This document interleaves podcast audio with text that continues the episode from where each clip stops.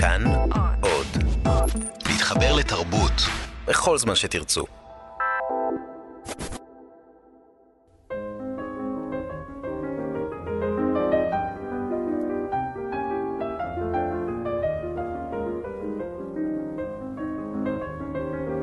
מאחורי הקלעים, שעה עם רותי קרן על צידו הנסתר של עולם התרבות והאומנות. המתהלך בין הצילומים הגדולים המוצגים זו השנה ה-15 בתערוכה האזורית לצילומי עיתונות עדות מקומית, ימצא את עצמו הפעם מול לא מעט תמונות שיש בהן ערפל, אש או עשן סמיך ריאלי, אבל אולי גם כמשל על איזה טשטוש בהוויה כאן, ומתוך הערפל הזה עולה באופן צלול וחד עדות המצלמה שאין הצלם הצליחה ללכוד ולספר את הסמוי אולי מן העין, כפי שמכנה זאת עוצר התערוכה השנה עמי שטייניץ עם אה, צלמת העיתונות הדס פרוש, שעבודותיה מוצגות כבר שנים מספר בתערוכה המרכזית אולי לצילומי עיתונות, לצד התערוכה World Press Photo העולמית, שניהם כאן היום לספר על מאחורי הקלעים של אחד האירועים התרבותיים החשובים המתרחשים כאן, שאותו פוקדים בכל שנה אלפי מבקרים. מאחורי הקלעים, על עדות מקומית, אני רותי קרן, מגישה ועורכת, אלון מקלר על הביצוע הטכני. שלום הדס, שלום עמי. שלום, שלום, נעים מאוד. כמי שמבקרת בתערוכה הזאת בכל דצמבר, אני חייבת לומר שהחוויה לא פשוטה, מכבידה לא מעט, מתישה ומטלטלת אפילו, ובכל זאת, כל כך הרבה אנשים נמשכים לחוויה הזאת. יש לכם הסבר מה כוחה? הרי המציאות כאן לא פשוטה ממילא. למה לבוא ולצפות ברגעים הקשים, הכואבים, באופן מרוכז? בגלל שהמצלמה כל כך נפוצה דווקא היום, בגלל שמצלמים כבר מגיל מאוד צעיר, בגלל שברמת הבית מתמודדים עם תמונות ועריכת תמונות, וכל נושא הצילום הפך להיות כמו נושא הדיבור, ויש לו גם משמעות כמו מה שנשמע ומה שנאמר.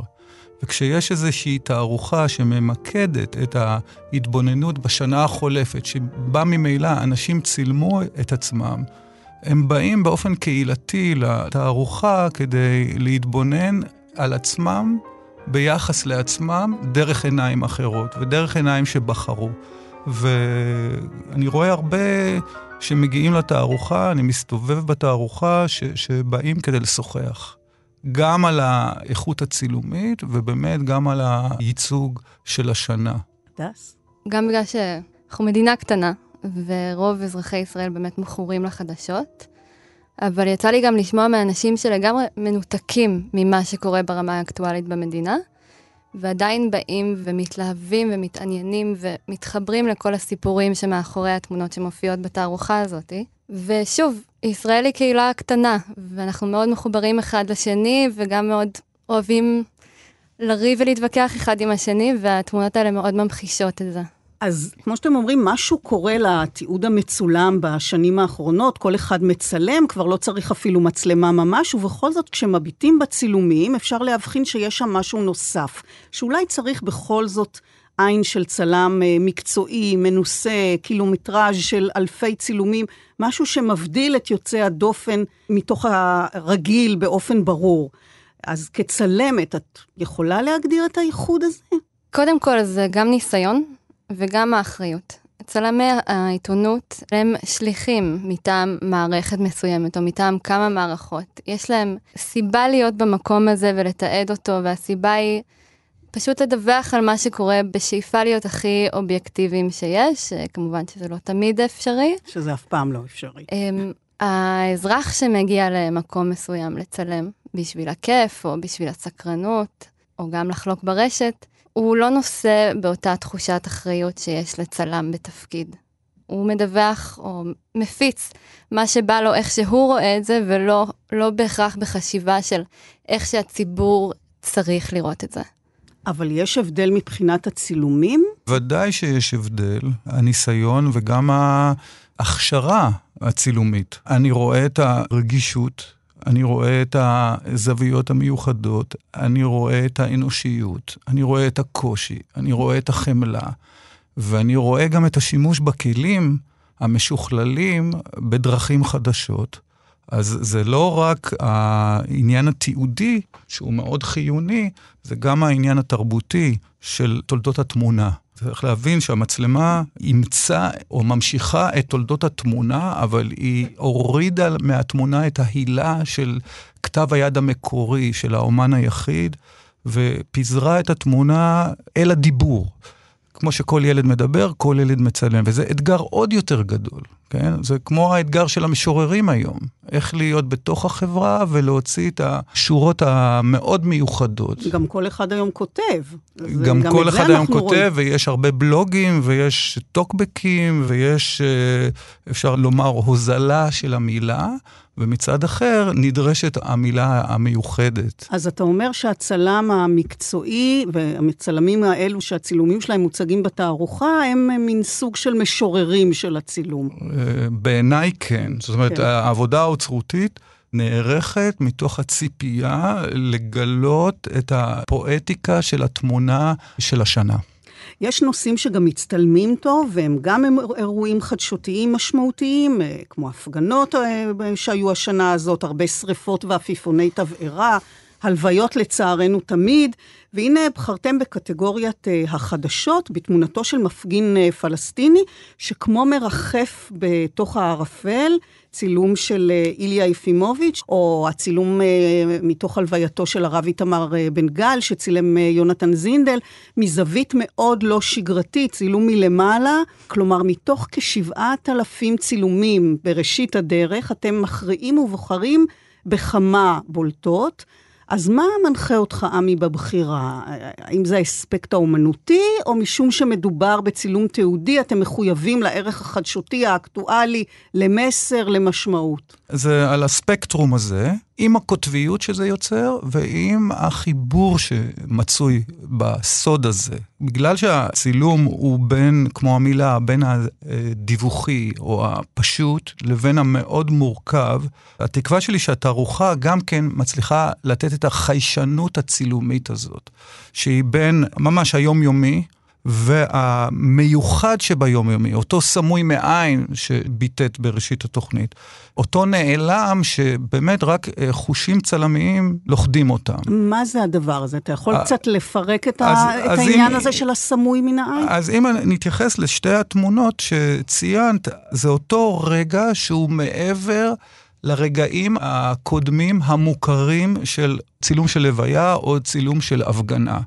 אז בצילום של הפגנה זה לרוב הרבה אנשים. יש mm-hmm. עוד עבודה של המפגין הדרוזי, שבה דמות אחת מבודדת מתוך ההפגנה, והיא כביכול מייצגת את כל ההפגנה. היא לא כל ההפגנה, אבל היא הופכת עכשיו לייצוג של ההפגנה. אותו דבר, אותו רקדן אה, מוחה פלסטיני שמנטר בשנייה אחת מעל לגדר, ונלכד לבד, אפוף בתוך עשן של... עם מסכת אב"ח על פניו. עם מסכת אב"ח על פניו, והוא יכול בכלל אה, להיות שייך למקום אחר, לעולם אחר, לכן הוא, הוא פתאום אוניברסלי, כן. והוא פתאום שונה מכל שאר הייצוגים של מחאות הפלסטינים. תמונה כזאת, כמו שבחרתם, ספק אם הייתה מופיעה בעיתון. נכון, נכון. נכון. רוב, רוב התמונות שמוצגות בעדות מקומית לא הופיעו בתקשורת היומיומית. עדות מקומית היא מעניקה את הבמה הנוספת לפן התיעודי של צילום העיתונות. תמונות עולות ויורדות היום באתרי החדשות, כן. אנחנו אפילו לא מסוגלים להתמקד בהן. כן. התערוכה באה ליצור איזה חודש של מיקוד, ולכן גם התערוכה היא פופולרית למבקרים. היא כי... פופולרית, שאתה אמרת לי עכשיו לפני שנכנסנו, שרק ביום אחד בשבת היו כ-1,500 מבקרים, זה מספר נכון, עצום. נכון. אז אה, נכון. באמת, איך מסבירים את זה? לא הכל מסבירים.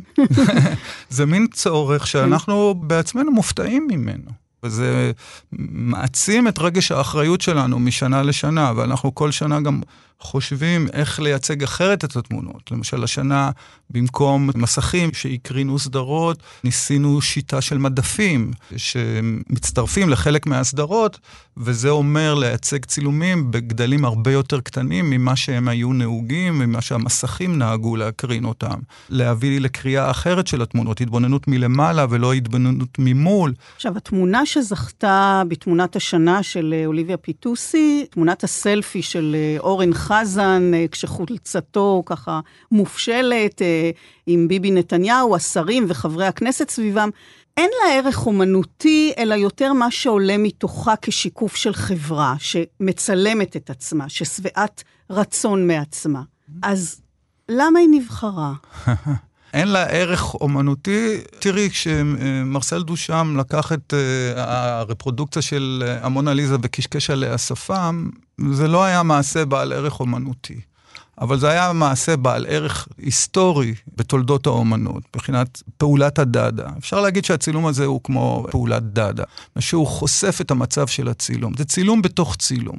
הפוליטיקאי כבר מצלם ומשדר את עצמו, בידיעה שצלמים עמדו מאחורה. זאת אומרת, הוא מנסה לביים את עצמו לתוך החדשות, בתוך מערכת של שיווק פנימי. אז זה אומר שהצילום פה, יש בו איזה מימד של ביום. הצלם לוכד את הכפילות ועושה דיאלוג עם הצילום. זה דבר שמאוד חשוב בהחלטות של חבר השיפוט בתערוכה. זאת אומרת, עד כמה ההיתול של הצילום, התעתוע שלו, הוא חלק משמעותי בצילום דהיום. זה אחד הדיונים המאוד מאוד חשובים, כי אנחנו רואים שככל שיש יותר צילומים, יותר ויותר מדברים על פייק ניוז. אז איך הדילמה הזאת? כן.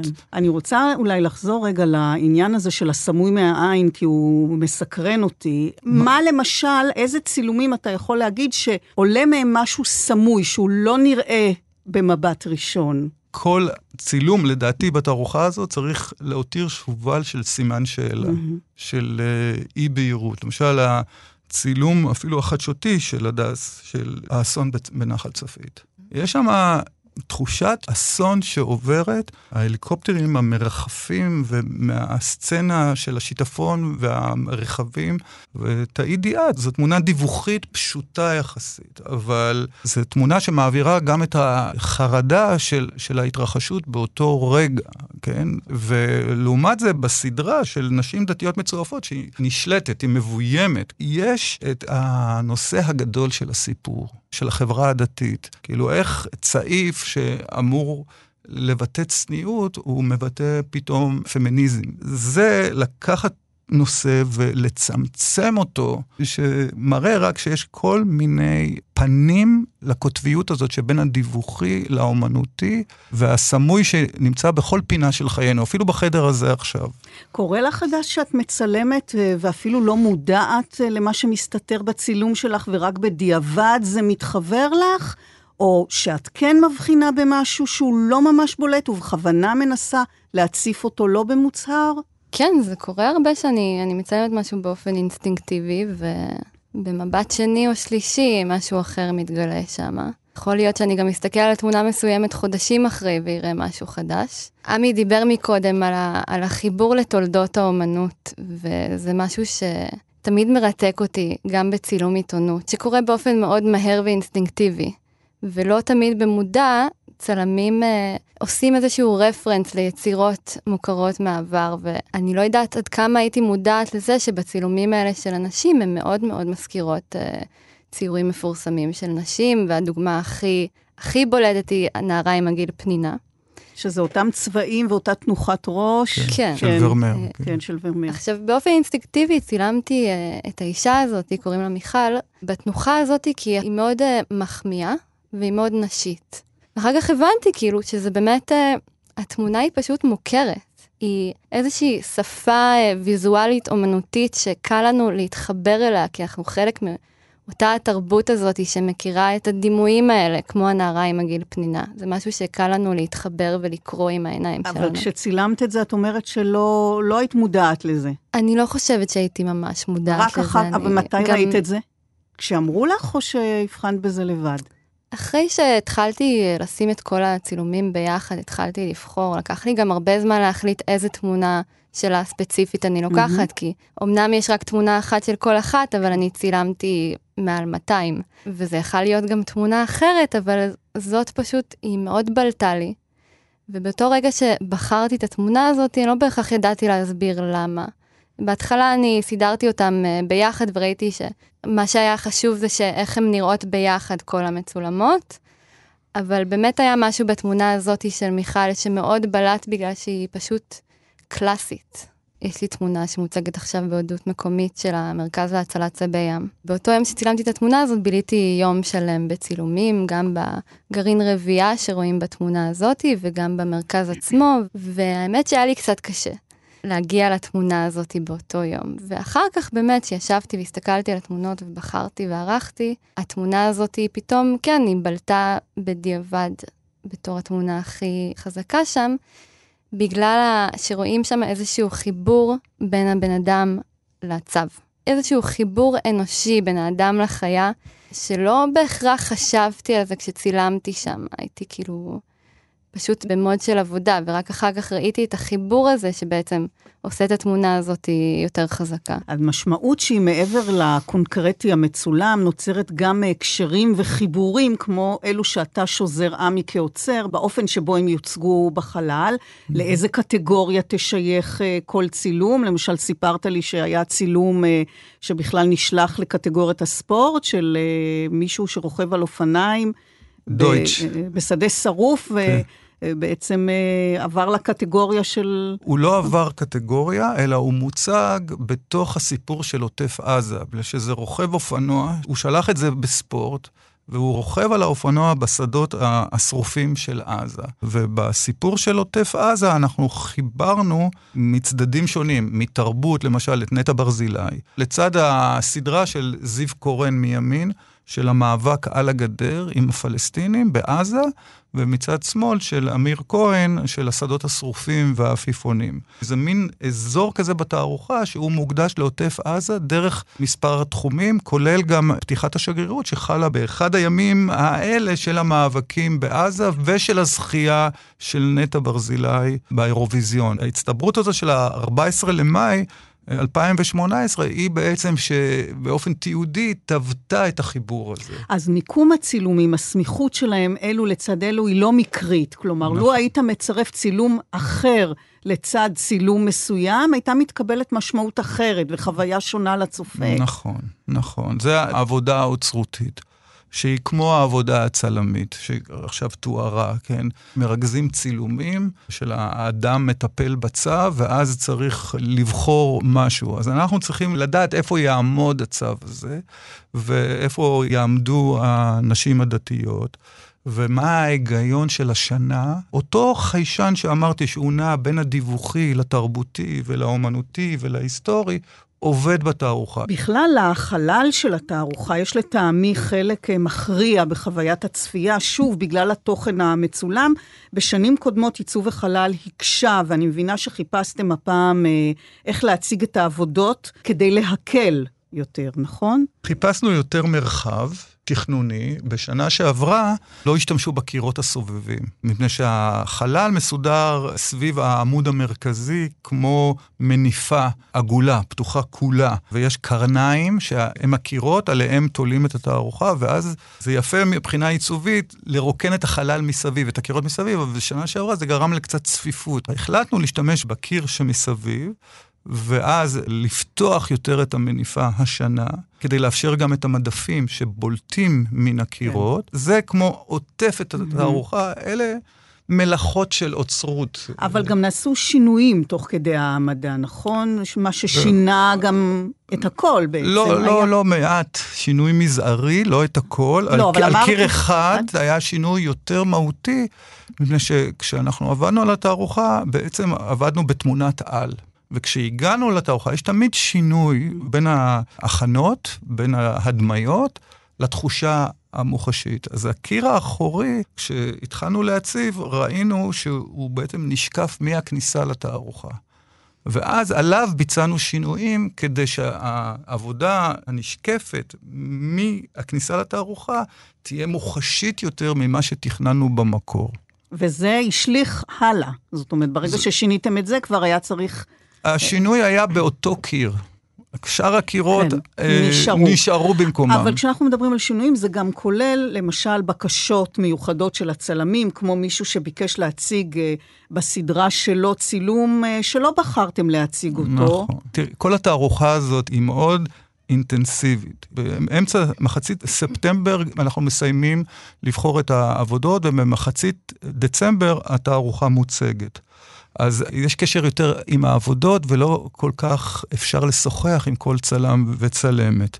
ובשתי סדרות, גם הדס פנתה וגם תומר פנה וגם רונן, סליחה שאני לא אומר את שמות המשפחה, אבל זה כן. מסובך לזכור. כן. וכשאפשר, אז מתפתח דיאלוג ונערך איזשהו שינוי.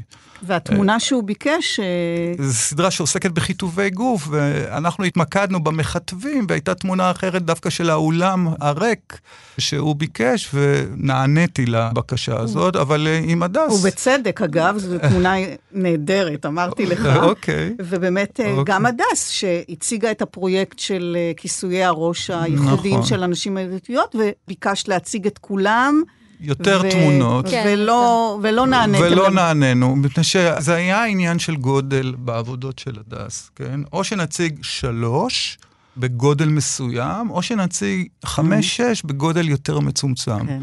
עניין הגדלים בתערוכה הוא גם כן מאוד משמעותי. יש נטייה היום מודרנית בצילום להציג צילומים מאוד גדולים. אנחנו בחרנו להציג צילומים מאוד קריאים. זאת אומרת שהם די עוטפים את הפנים והכתפיים וקצת יותר, אבל לא מתענקים מעבר לכך, רק בגלל שאפשר להדפיס גדול. איך הרגשת עם ההחלטה הזו, הדס? בהתחלה זה הטריד אותי, ולכן גם פניתי אה, למערכת בבקשה שיציגו עוד. בעיניי מה שהופך את הסדרה הזאת לחזקה זה הסדרתיות, המגוון כן. והכמות, כן. כן. שכשרואים איזשהו רצף של דימויים שהולכים ביחד, אז זה נותן לזה כן. איכות אחרת. פניתי אליהם בבקשה הזאת, אבל גם במודעות שאני לא באמת יודעת מה קורה מאחורי הקלעים mm-hmm. של uh, לתכנן ולעצור תערוכה. בשביל זה אנחנו ו... פה. כן, לעמי ולשאר המערכת יש את השיקולים משלהם. ו... כן. אני גם, אם הם הלכו לשלוש תמונות מתוך הסדרה שלי, אני שמחה עם הבחירה של השלוש תמונות הספציפיות האלה, שבאמת mm-hmm. מייצגות את השלל שקיים שם. אז נזכיר למאזינים שהיום מאחורי הקלעים אה, אנחנו בשיחה על תערוכת הצילום עדות מקומית, באולפן כאן תרבות, העוצר עמי שטייניץ, אה, הצלמת הדס פרוש ואני רותי קרן. ואני מבקשת להיכנס ולהציץ, אה, עמי, לתהליך שהוא יחסית קצר מאוד, בין 7,000 אה, צילומים שמגיעים לשולחנך ועד שהתערוכה נפתחת ו-7,000 איש, נניח, מגיעים לראותה, נראה לי שזה יהיה הרבה יותר, אלפי צילומים בזה אחר זה, נראה כמו משהו מעייף, מטשטש. כמה שעות אתה שוהה עם הצילומים? איזה קושי אתה מגלה באותו הזמן? התלבטויות, חרטות? קודם כל, אני שמח לציין שאני לא לבד בתהליך. אנחנו מערכת, ויש גם חבר שופטים. ורדי כהנא ומרק ישייב, מחבר השופטים, ורדי כהנא ממערכת עדות מקומית. אנחנו עושים את השיפוט המקדים, מה שנקרא, ומצמצמים מ-7,000 ל-1,200, וזה באמת להתייצב מול כל תמונה ותמונה, ואנחנו שופטים את התצלומים בצורה אנונימית, זאת אומרת, ללא שם הצלם. וזו תקופה מאוד דחוסה, אני צריך לגמור את זה בעשרה ימים. אז, של, אז בוא, של לעבור בוא על, על 7,000. תכניס אותנו לחדר הזה שלך, אה, כמה תמונות אתה יכול לראות? אני, אני יכול להסתכל על תמונות שעתיים וחצי, ואני חייב ללכת לים קצת, ו, או ללכת למקום אחר, או לעשות דבר אחר, ולחזור לתמונות, אבל אני חייב לעמוד בלוח הזמנים. זה גיוס גם של הרגש ורגש האחריות. אני שותף. לתמונות שעוברות כעת לחבר שיפוט של שבעה אנשים. זה לא רק אם אני בוחר נכון מבחינת התערוכה הסופית. האחריות היא כל כך כבדה, אני יודע שכל צילום שלא בחרתי זה בן אדם וזה סיפור. אז בוא תתאר לי איזה מצב של איזו התלבטות מאוד uh, קשה שהייתה לך, או משהו שהתחרטת. תראי, ההתלבטויות הן לא בקטע הראשון של השבעת אלפים. ההתלבטויות הן הולכות ומתקבצות לקראת דווקא המאה ה-72 מתוך 500. ששם כבר השופטים היו שותפים לבחירה. ואז יש תמונות שלהקל על עצמי בתשובה, אולי לא להסגיר הכל, רותי, אני יכול להגיד לך שבתוך החמש מאות יש שתיים וחצי תערוכות.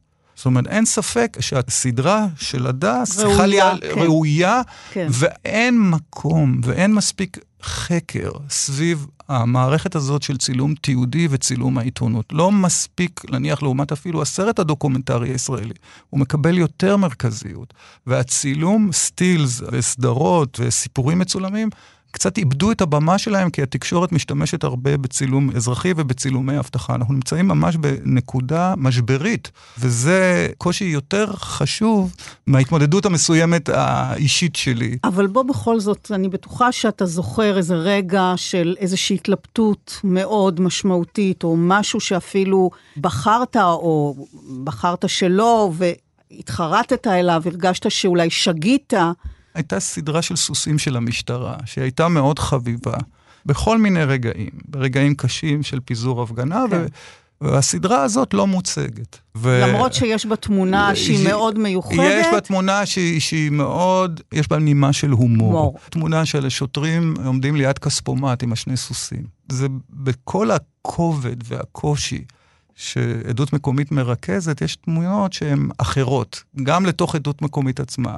כבר היו לנו שתי תמונות הרבה יותר, בעינינו, מבחינת צילומית, סדרה של מרוץ סוסים במגזר הבדואי, ושני סוסים מתאהבים ברמת הגולן, ובעצם הנושא מוצע באיזושהי צורה. וזה רגע של שקלול, של מה כבר יש לי, מה אני צריך לבחור על פני דבר אחר. וזה לא תמיד נעים. וההעדפה שלי הייתה בסך הכל ברורה, אבל אני יודע שבתערוכה אחרת או עוצר אחר היה כן מציג את התמונה הזאת. ואתה מתחרט על זה? לא, אני לא יכול להתחרט. אבל אתה חושב על זה. אני... זה אני... נמצא אצלך בתודעה. כל הזמן. שהיה מגיע לזה כן להיכנס. אוצרות זה כל הזמן החמצה. אין שלמות בעניין הזה. כשאתה בוחר משהו, אתה מפעיל שריר, והשריר הזה עושה טעויות. וזה תמיד ויותר מתמיד לא נכון מאשר נכון. אבל בסופו של דבר, לקחת אחריות. אז אם מזכירים החמצות, זאת אה, נקודה רגישה אצל כל אחד, אבל אצל צלמים אולי שבעתיים. אם ניכנס אל מאחורי הקלעים של צלם עיתונות אה, כמוך הדס, בעצם אורח החיים כולו מובנה למצב שחלילה לא תתרחש שום החמצה. זה אומר שאת תמיד נכונה לצאת למשימה, הקפצות, גם כשאת uh, ערוכה כבר לשנת לילה. נכון.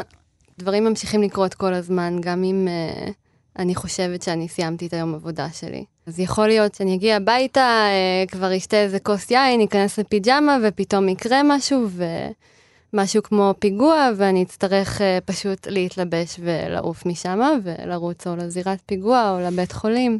ואין היסוס? ההיסוס הוא רק... Uh, פשוט לוודא שאני מגיעה למקום הנכון. איך את בכלל יודעת שיש אירוע? יש אה, דיווחים שמגיעים לכל מיני קבוצות וואטסאפ של אה, כתבים וצלמי עיתונות, ומעבירים פרטים, ובהתחלה שום דבר לא כל כך חד משמעי, צריך להתמהמה איזה כמה דקות בשביל להבין מה קרה, ואם באמת קרה, אם זה במקרה של פיגוע או איזשהו אירוע כזה, אם זה לאומני או אם זה פלילי. ו... יצא כבר שהוקפצת ולא היה שום דבר? האמת שלא, זה לא קרה לי. לא שאני זוכרת לאחרונה, אבל... אבל מה, אז. באמצע הלילה, ב-4 בבוקר, פתאום את מקבלת וואטסאפ כזה, אז את uh, מתעוררת מהשינה ומתחילה להתלבש ולצאת uh, עם המצב. פחות ב-4 בבוקר, אבל יכול לקרות גם ב-12 בלילה. בפעם האחרונה שזה קרה לי, אז באמת... אה, היה קצת כמה רגעים של בלאגן שבהם הייתי במכנסי טרנינג שלי, הבנתי שיש פיגוע ושאני צריכה לצאת לבית חולים, בהתחלה זה היה בירושלים, הדסה עין כרם. נכנסת לג'ינס, שמה נעליים, משנים כיוון, בסוף לא להדסה עין כרם, הולכים להדסה הר הצופים. עכשיו, פשוט צריך אה, להפעיל אה, שיקולים פרקטיים. אם אני עכשיו יוצאת מהבית שלי שנמצא ליד רחביה בירושלים להר הצופים, אני לא מגיעה בזמן ואין לי טעם לצאת. סבבה, חוזרת לטרנינג, מתיישבת על הספה, אחרי כמה דקות משנים את זה, שערי צדק. קרוב לבית שלי, אוקיי, יוצאת מהטרנינג, שמה ג'ינס ויוצאת מהבית. סיטואציה, כאילו, אני מתארת אותה באופן קצת אה, הומוריסטי, אבל אה, זה הכל אה, ציניות שצלמי עיתונות יודעים להפעיל טוב מאוד, והתס... באירועים כאלה. והתסכול התמידי היא היכולת uh, להיות בעת ובעונה אחת בשני מקומות או יותר, כן. והרי תמיד משהו מתרחש, אז זה אומר שתמיד תהיה החמצה. Mm-hmm. עד כמה זה מפריע לך? זה מאוד מפריע. אני חושבת שאני והרבה מהחברים שלי בתחום uh, תמיד רוצים להיות במקום הנכון ובזמן הנכון. זה פשוט החלק הכי חשוב בעבודה שלנו. ויכול להיות שבאמת מפסידים דברים אם אתה נמצא במקום אחד, משהו קורה במקום אחר, ותמיד יש כאילו תחושה כזאת של... Uh, שאני מרגישה קרועה, שאני צריכה להיות שם כשאני פה, או משהו כזה. זה קורה כל הזמן. כאילו, אתמול אני נסעתי למטולה, לסיור עיתונאים uh, במנהרה של החיזבאללה בגבול עם לבנון. ובאותו זמן הודיעו שמפרקים את הממשלה. אז את גם לא יודעת לצפות לזה מראש. אני חשבתי שאם אני יוצאת מירושלים, למטולה זה הדבר הנכון והחשוב לעשות באותו יום, כי זה סיפור גדול. אבל כשהייתי שם והגיעו כל ההודעות על פירוק הממשלה, אמרתי לעצמי כאילו, טוב, למי אכפת עכשיו מהמנהרה של חיזבאללה? זה הדבר האחרון שיופיע בחדשות עכשיו, אף אחד לא ישים לב לזה, כאילו. עכשיו הסיפור זה הממשלה, ושם צריך להיות, ואני הכי רחוקה משם. את חושבת שאת נמצאת במקום הנכון, אבל בתוך שנייה הכל מתהפך ויש סיפור גדול וחשוב במקום אחר לגמרי. את מדברת על הממשלה ועל הכנסת, זה יכול לקרות לך גם ממש מתחת לאף. הכנסת, אותו מקום שבו צולמה התמונה הזוכה, מספיק אפילו רגע שאת מסבה את הראש למשהו אחר, ואופס, החמצת אה, לחיצת יד שאולי היה שווה לתעד. לגמרי. וזה uh... שאת לא במטולה, את שם, במקום. כן, כן, במקום uh, די סטטי רוב הזמן, שיושבים ומצלמים...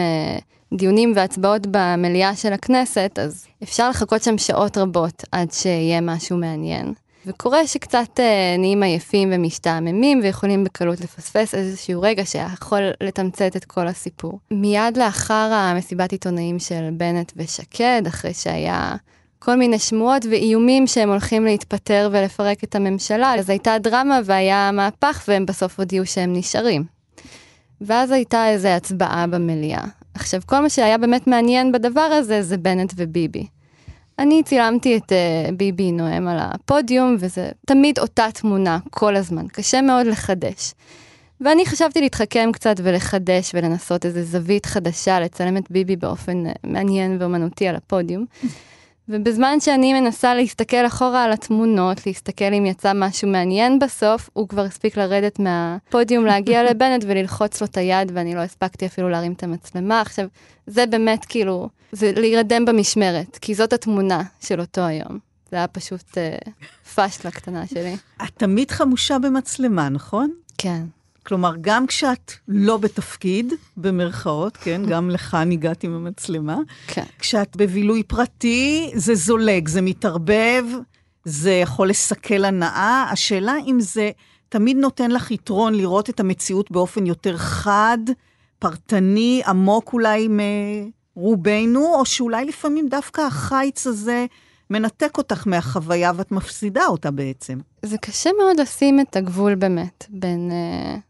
הצורך שלי לתעד ולצלם הכל וליהנות מהרגע באמת. אני חושבת שרוב הזמן אני מרגישה שהפעולת הצילום מעניקה לי יותר משמעות לחוויות שלי, גם אם הן חוויות פרטיות ולא חוויות שאני צריכה לתעד במסגרת העבודה. את החיים הפרטיים שלי אני תמיד מתעדת. זה חלק בלתי נפרד, זה פשוט הצורה שבה אני רואה ומבינה את הסביבה שלי. אז הדיאלוג שלך עם המצלמה, או בלעדיה עם המציאות שאת מתעדת, שלא אחת היא קשה מאוד, הוא מאוד שברירי, במיוחד לגבי המעורבות הרגשית שלך אה, באירוע. בדרך כלל את מצליחה באמצעות המצלמה ליצור אה, כביכול אדישות, לבצע את המשימה ולהמשיך הלאה, אבל קורה שזה לא מתאפשר מסיבות טכניות או אחרות. הזכרנו קודם אה, את צילום ההלוויה שנבחר להיות מוצג בתערוכה.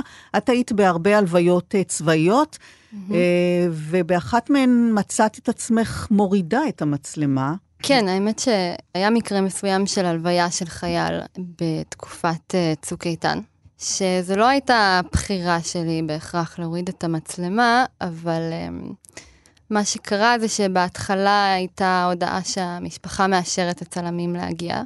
בדרך כלל צלמים מכבדים את בקשת המשפחה אם הם מבקשים לא לתעד את ההלוויה, כי זה גם ככה, אנחנו קצת מרגישים כמו פולשים כשאנחנו מגיעים לתעד הלוויות. והגענו, קבוצה די גדולה של צלמי עיתונות להלוויה הזאתי, ואיך שהגענו, כנראה שהמשפחה שינתה את דעתה והם החליטו להרחיק אותנו בזמן הטקס. במקרים כאלה מחכים לסוף בשביל לצלם את הקבר, או פשוט נותנים את הכבוד ומחכים עד שמרגיש לנו נכון להתקרב ולצלם. והיינו פשוט חלק מהלוויה. לא יכלנו לצלם, כי היו הרבה אנשים, הם הסתירו, ופשוט נאלצנו לחכות, ובזמן המתנה הזה, המצלמה הייתה על הכתף, ושמעתי את כל הדברים שנאמרו, את כל ההספדים. ואם המצלמה לא מול הפרצוף שלי, ואני לא עובדת ומצלמת, ואני מקשיבה, אני פתאום חלק מהאירוע, ברגע הזה זה נהיה קשה, זה נהיה אמיתי. ובכית, לא, את לא צופה נכון? מהצד. כן, ירדו לי כמה דמעות.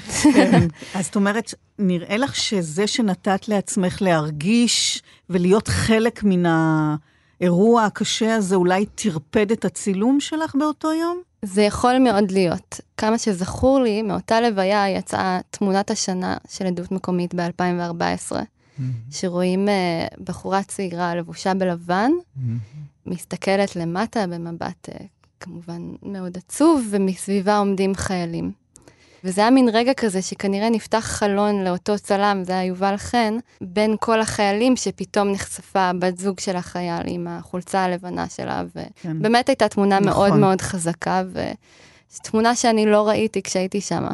כי באמת, יכול להיות שבאמת, אני לא, הראש שלי לא עמ- פתאום היה במקום או אחר. שלא עמדת ב- במקום הזה שמבחינה נכון. פיזית, שיכול נכון. אה, לראות, זה לפעמים על חוט השערה יכול נכון. להיות.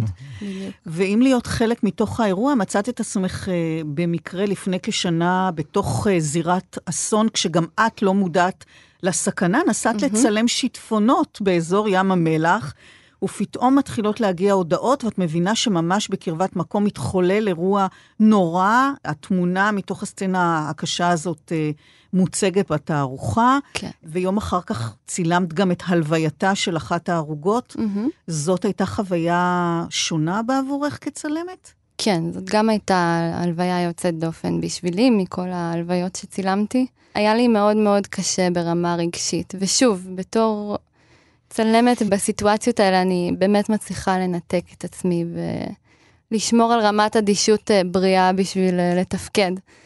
אבל... אבל גם אה, בכלל, המעבר הזה שאת עשית, נסעת לצלם שיטפונות, אני לא יודעת מה חשבת לעצמך.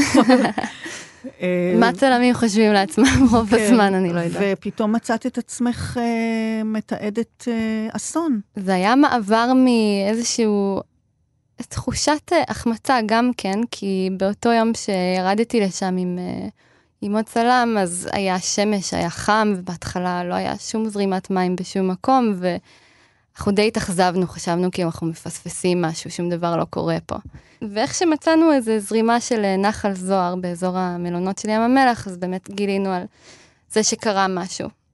ולא היה ברור לנו מה קרה, אוטובוס של נעדרים, יצאו כל מיני שמועות כאלה לא ברורות, עד שהתברר באמת מה היה גודל האסון, והכל קרה באמת מאוד מהר. השמיים נהיו אפורים לגמרי, נהיה קר, את פתאום מתחילה לראות מים בכל מקום, כל הכבישים מוצפים. מראה מאוד אפוקליפטי כזה, וזאת יחד עם הידיעה שיש לא מעט נעדרים שנסחפו בשיטפון. ותחושת פאניקה כוללת כזאת, אז כן, זה שינוי מאוד מאוד קיצוני. ואז למחרת את מגיעה באמת לתעד את ההלוויה, זאת אומרת, זה באמת שם אותך, כי את היית באירוע הזה נכון. עוד מראשיתו. אז אני חושבת שבאמת היה לי אולי יותר קשה יחסית, ב... קשה רגשית באופן אישי בלוויה הזאתי של אחת הנערות שנהרגו שם, בגלל שהייתי שם יום לפני וגם נקלעתי לסיטואציה. זה לא ששמעתי כן. על זה ונסעתי, הייתי שם באופן מקרי לחלוטין. אז בצדק או אולי לא, כשדיברתי על הקושי שהתערוכה הזאת מעוררת בי מדי שנה בשנה, זה בעיקר בגלל העומס של תיעוד אסונות, של קיפוח חיים, של עינויים, של הלוויות, ואמרת לי, עמי, שזה הרבה יותר נוכח בתערוכה העולמית שמוצגת לצד המקומית, שצובע את החוויה הכוללת, ושיש הבדל בין תיעוד הצלמים הישראלים, אגב, אין צלמים פלסטינים השנה בכלל, נכון? לצערנו, כן. למרות שאנחנו רואים את עצמנו כתערוכה אזורית. והם לא שלחו הם פשוט. לא שלחו השנה, וסיבות יכולות להיות ברורות. אז יש הבדל בין הצלמים הישראלים לבין הצלמים בעולם, מבחינת הגישה והתיעוד של הסבל. ב-World Press Photo, צלמים זרים מגיעים לכל מיני מקומות לצורך חדשות. זה לא שהם פחות רגישים, אבל הם פחות מעורבים. והמעורבות של... כלומר, צלם אה, נורבגי מגיע לסוריה ואין לו קשר למקום הזה כל כך, אתה אומר. נכון, והוא צלם חדשות באותו רגע, וזה נימי נימים, כמו שתואר פה. זה נימי נימים של להיות ברגע נכון, זה, זה, זה נימי נימים שמחברים אותך לתצלום הנכון, כמו שהתצלום ב-2014 של הלוויה שתואר, של יובל. והנימי נימים שלנו, אני חושב, הם יותר מאופקים. במובן של הסכסוך המתמשך. במובן של החשיפת יתר וההשלכה שלהם, של תמונות זוועה על היומיום שלנו. יש תמונות שאת לא תצלמי? זה לא מה שהתכוונתי. זה לא מה שהתכוונתי. אני חושב שהיא תצלם, אבל הפרספקטיבה של הצילום... כפי שאני חווה אותה, בהבדל בין ה-well press photo לעדות מקומית, הוא ההבדל של אחריות ומעורבות ומאופקות. זה משהו שאני מזהה, ואני לא יכול להכתיב אותו לאף אחד. יש אירועים מאוד קשים. מאוד ש... קשים, אנשים ש... שטובעים בתוך uh, בריכות נפט. וכל מיני עינויים ואיברים חתוכים, מאוד קשה לצפות אה, בזה. זה, זה, זה נכון, וגם זה חובה לצפות בזה, אבל אה, אני חושב שיש איזושהי אה, דרגה אחרת של איפוק מתוך החיים המציאותיים פה. זה לא איפוק של ויתור, זה לא איפוק של לא לצלם משהו, זה האיפוק של מעורבות, האיפוק של המשכיות, האיפוק של הניסיון הזה שהיה פיגוע ויהיה עוד פיגוע. והייתה תמונה ותהיה עוד תמונה, ושאז, מה מחיר הזוועה בתמונה? במעבר בין אירוע לאירוע, בין פיגוע לפיגוע. זה מזכיר לי, האמת, אה, זירת פיגוע שצילמתי בגל פיגועים קשה שהיה לפני, אני חושבת שזה היה ב-2014 גם כן. פיגוע דריסה בירושלים, ומה שעמי תיאר עכשיו פשוט הזכיר לי באמת את הסיטואציה שם, ששכבה גופה מרוסקת, ואני צילמתי את זה.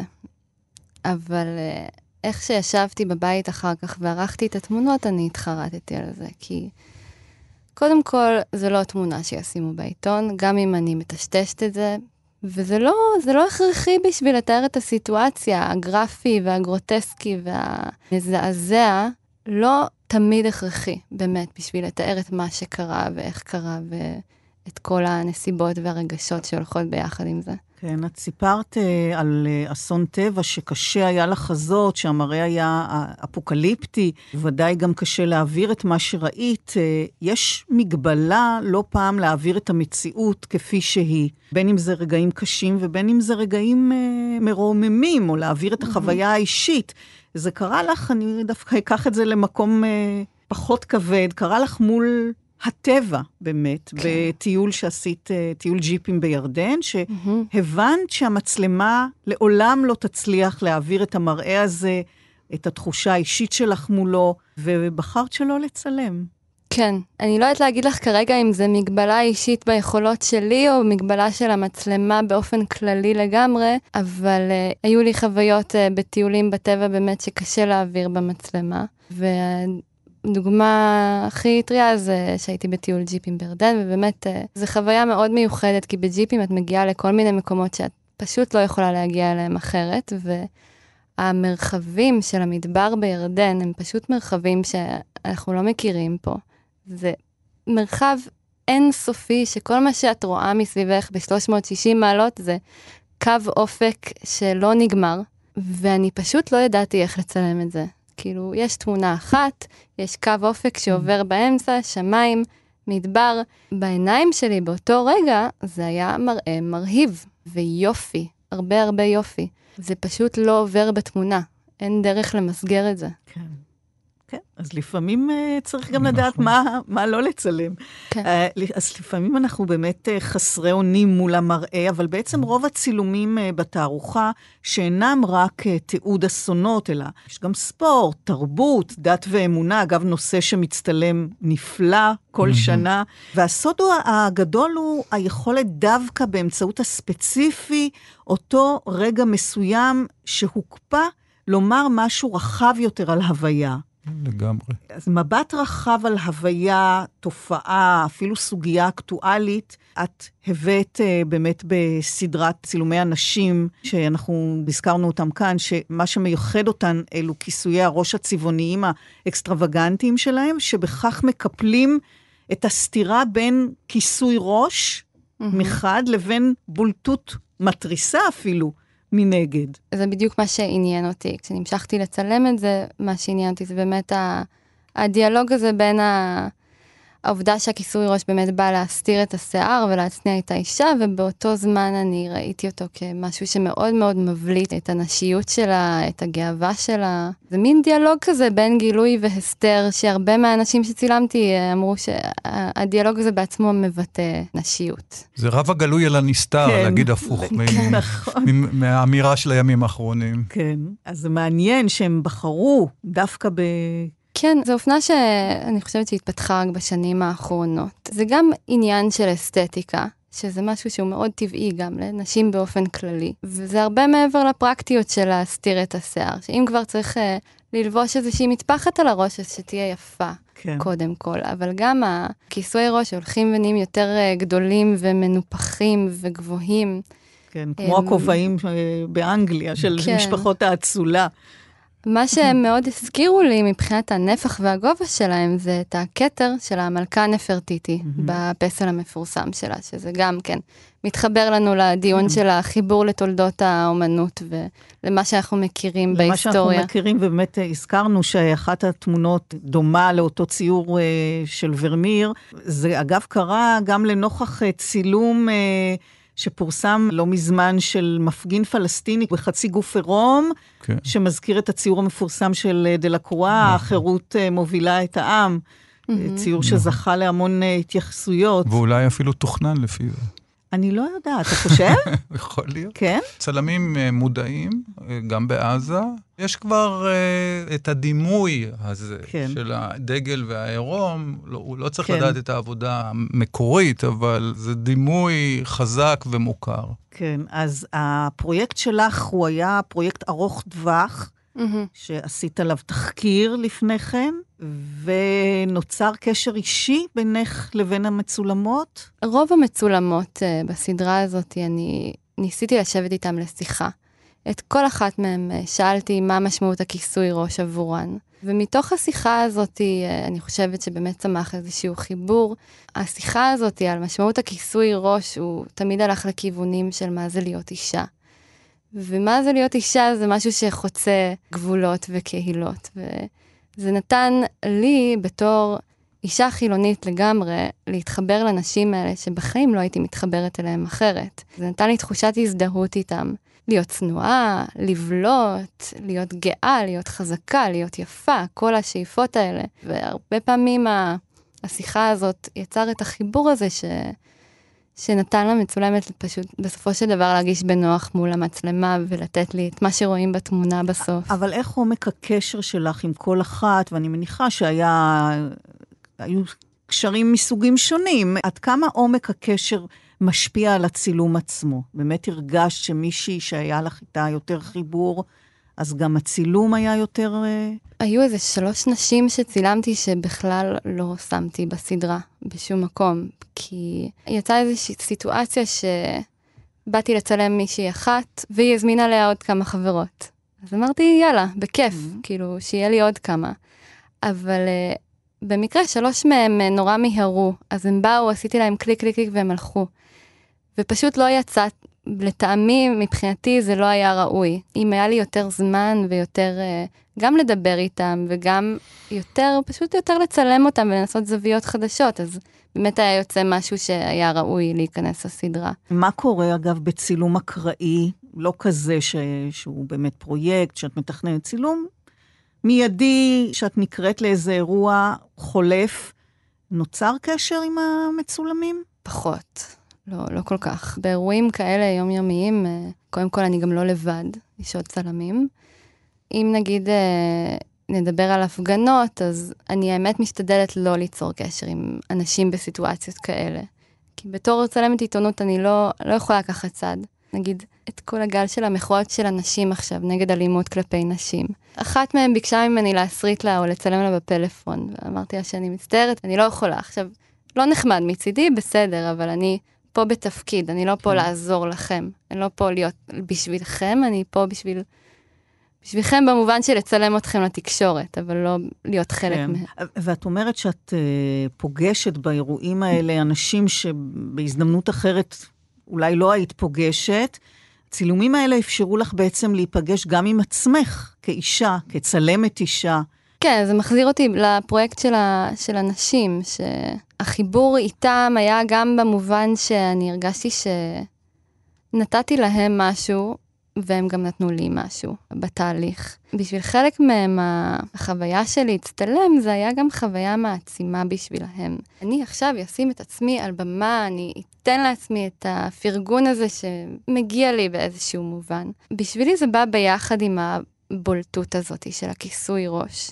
הרבה מהם גם דמויות בולטות בקהילה שלהם. הן אה, עוסקות בהעצמה נשית, העצמה אישית, אה, ואני חושבת שהם נתנו לי גם איזשהו... זה קצת מצחיק להגיד, אבל הם נתנו לי איזשהו אישור כזה, תחושה שאני יכולה גם לתת לעצמי להיות uh, גאה בעצמי, להבליט את עצמי ולהרגיש בנוח גם בנשיות שלי, שקשה לעשות את זה בתחום שהוא לרוב מאוד מאוד גברי, ורוב הזמן שאני בעבודה אני באמת מסתירה את הנשיות שלי, כי זה לא טוב. אני מנסה כאילו תמיד להוכיח לעצמי ולסביבה שלי שאני יכולה לעשות כל מה שגבר עושה בתור צלמת. אבל וואלה, זה בסדר להיות אישה. לא חייבת להיות גברית. יש אגב, עמי, הבדלים. אתם uh, מקבלים את הצילומים בעילום שם. אפשר להבחין בין uh, צלם לצלמת? Uh, הדס, למשל, שמציגה בעדות מקומית כבר כמה שנים, אתה יכול כבר לזהות תו וקר? אתה יכול מבעד לאנונימיות לדעת מי הצלמים בכל זאת? זה תהיה יומרה לומר. למשל, יש, יש נושאים כמו השינוי מין והצעיפים, שאפשר להניח שזו תמה נשית, mm-hmm. כן? שזו רגישות נשית. ולזהות uh, צלם ספציפי, אתה יכול? אני יכול עם השנים. עם השנים, אתה יש, יכול, יש... הנה, הדס מציגה כבר שנים רבות. כן, אבל גם שגיתי. זאת אומרת, בשלב האנונימי שגיתי. בכוונה אנחנו עושים את הבחירה אה, סביב הדימוי ולא סביב השם. עם השנים, כשאתה לומד להכיר צלמים ואת ההתעניינות הנושאית שלהם, אתה מתקרב לצילום שלהם. ואת יודעת, בתוך ה-7,000 צילומים זה מאוד קשה, אחר כך זה מתחדד. אתם בוחרים בתמונת השנה, סדרת השנה, מדרגים את הצילומים בכל קטגוריה, ובכל זאת לכל אה, מבקר בתערוכה יש תמונה או שתיים שאחרי שלוש שעות של שוטטות, היא שנחרטת בראשו ונשארת לפעמים שנים. אני זוכרת תמונה מלפני כמה שנים שעדיין שמורה לי בראש. Mm-hmm. יש צילום שאתה יכול אה, להצביע עליו ולומר, זה הרעיד אותי, זה בלט במיוחד, זה נשאר איתי? יש, אבל אני לא אגלה. נשאיר את הנסתר. נסתר, כי באמת, זה, זה, יש כמה כאלה, אבל זה לא כל כך חשוב. זה יותר חשוב מה הצופות והצופים יגלו לעצמם בתוך הביקור בתערוכה. מנגד, את סיפרת לי, הדס, שלהרבה צלמים חרוטה דווקא התמונה שהם לא צילמו, mm-hmm. ויש לך אחת כזאת, שוב, מאירוע קשה ודי טרי. קודם כל, חשת אה, באירוע הזה על בשרך סכנה. כן. אה, אני מניחה שזאת אינה הפעם הראשונה שאת מסתכנת. את מודעת לזה, או את מכחישה את זה. במקרה הזה, איך אמרת לי? הכל נהיה מאוד אמיתי. כן. וזה מעניין, כאילו יש אה, במצלמה או במעשה הצילום, גם כשהוא עיתונות, גם כשהוא מתעד מציאות, משהו שמעוות את תפיסת המציאות. ממסגר אותה, מקטלג אותה, מנתק אותה מכל מה שמסביב, ופתאום משהו נקרע בתמונה. יש להרבה צלמי עיתונות, וגם לי רוב הזמן אה, תחושה שאני באמת מנותקת מה... לא מנותקת, אבל המצלמה מגנה אליי, גם רגשית ובאופן אה, לא מציאותי בכלל, גם חומרית. כאילו, כשאני נמצאת נגיד אה, בעוטף עזה בתקופות של מלחמה או הסלמה, אני שמה בשליחות ולכן אני לא בסכנה. עכשיו, כמובן שזה לא נכון. ביומיים של ההשמה שהיו לאחרונה בעוטף עזה, זה התחיל בלילה שהיה הרבה ירי מרצועת עזה ליישובי העוטף, ובאותו בוקר אני נסעתי לדרום. עכשיו, כל היום היה מאוד מאוד רגוע, לא קרה כלום. אני חשבתי, אוקיי, אני לא יודעת מה, אני כבר אצלם היום, אני צריכה לצלם משהו, אבל בסדר, נסיים את היום מוקדם, נחזור חזרה לירושלים. ובאמת, עד uh, באזור השקיעה, נגיד, הייתי עם עוד כמה צלמים באזור כינוס, והיו שם כל מיני תמונות מאוד חמודות ונחמדות של חיילים מבלים ונחים באיזה יער באור האחרון היפה. ופתאום הגיעה ההודעה שיש אוטובוס של חיילים שעולה באש מפגיעת טיל. נכנסתי לאוטו עם uh, עוד צלם והתחלנו לנסוע בכיוון. והכל פשוט באמת השתנה מאוד מאוד מהר. כל הדרך לשם נסענו על כביש די צר שהיה מוקף רק בשדות. בשום מקום לא היה לעצור ולהסתתר, והשמיים פשוט הפכו למופע אור קולי. היה ירי בלתי פוסק ופיצוצים אדירים, וזה היה מפחיד. תיעדתי שני מבצעים האחרונים ברצועת עזה, ואני לא, לא זוכרת שאי פעם פחדתי. כמו שפחדתי באותה נסיעת אוטו, ובאיזשהו שלב אה, סוף סוף מצאנו מיגונית בצד הדרך. עצרנו את האוטו ורצנו למיגונית, תוך כדי שאנחנו מצלמים אנשים, חיילים ואזרחים אה, עוצרים בצד ומשתטחים לאדמה בזמן אה, אזעקה. ובפנים הייתה אישה שפרצה בבכי ובפאניקה, ובאמת פתאום הכל נהיה מאוד מאוד אמיתי, והרגשתי חוסר ביטחון. פשוט הרגשתי שאני מסכנת את עצמי, ולא ידעתי כמה זה שווה. וכל זה היה בדרך לאוטובוס השרוף, שזה היה כאילו הדבר שהיה צריך לצלם באותו רגע. בסופו של דבר, אחרי הנסיעה המאוד המפחידה הזאת, הגעתי לאיזו תחנת דלק בכפר עזה, שזה היה מאוד מאוד קרוב לאיפה שהאוטובוס הזה נמצא. ופשוט נתקעתי שם, איך שיצאתי מהרכב, אזעקות, פיצוצים, אני רצה למיגונית מאוד מאוד קטנה, נדחסת לשם עם עוד איזה 15 או 20 חיילים, לא יודעת איך כולנו נכנסנו, אבל פשוט נצמדנו כולם ביחד, וחשבתי לעצמי, אה, מה אני עושה פה? למה אני בתוך המיגונית? למה אני לא בחוץ מצלמת? ותוך כדי המחשבות האלה אני שומעת uh, חייל אחד מדבר על uh, איך שפינו את החבר הפצוע שלו, ועוד חייל מדבר על איך שהוא לא שומע באוזן אחת. והבנתי שהם באים משם. וככה מצאתי את עצמי בתוך סיטואציה שאני אמורה לתעד. האזעקות לא פסקו, פיצוצים לא פסקו. ואמרתי, אני לא נכנסת לאוטו ואני לא נוסעת לשום מקום, אני נשארת פה. ופספסתי את התמונה הזאת של האוטובוס הבוער. זו התמונה שלא צולמה. התמונה שלא צולמה, שלא כן. תצא לי מהראש בחיים. עמי, כעוצר, אתה נותר די מאחורי הקלעים של התערוכה שהתגבשה אחרי עבודה אינטנסיבית והשקעה רבה, ואז אתה מסתובב בין המבקרים שלא יודעים מה חלקך כאן. איך התחושה? התחושה הכי טובה. אין חששות? של להיות אחרי. לא, זה, זה תחושת הקלה.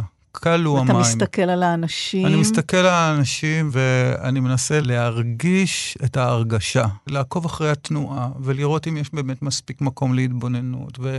איך כל הדמיונות של מה ליד מה חיים במציאות. למען הקהל זה נעשה, אז זהו זה. ואילו את תדע שבעצם מעשה הצילום, את נותרת מאחורי הקלעים במובן מסוים, מאחורי המצלמה. מצד אחד את מייצרת את האומנות, מצד שני את מוסתרת. מתחשק לך uh, לעבור לצד השני? לצד השני של המצלמה? כן, זאת אומרת, איך את חושבת שהיית מרגישה כמי שמצלמים אותו?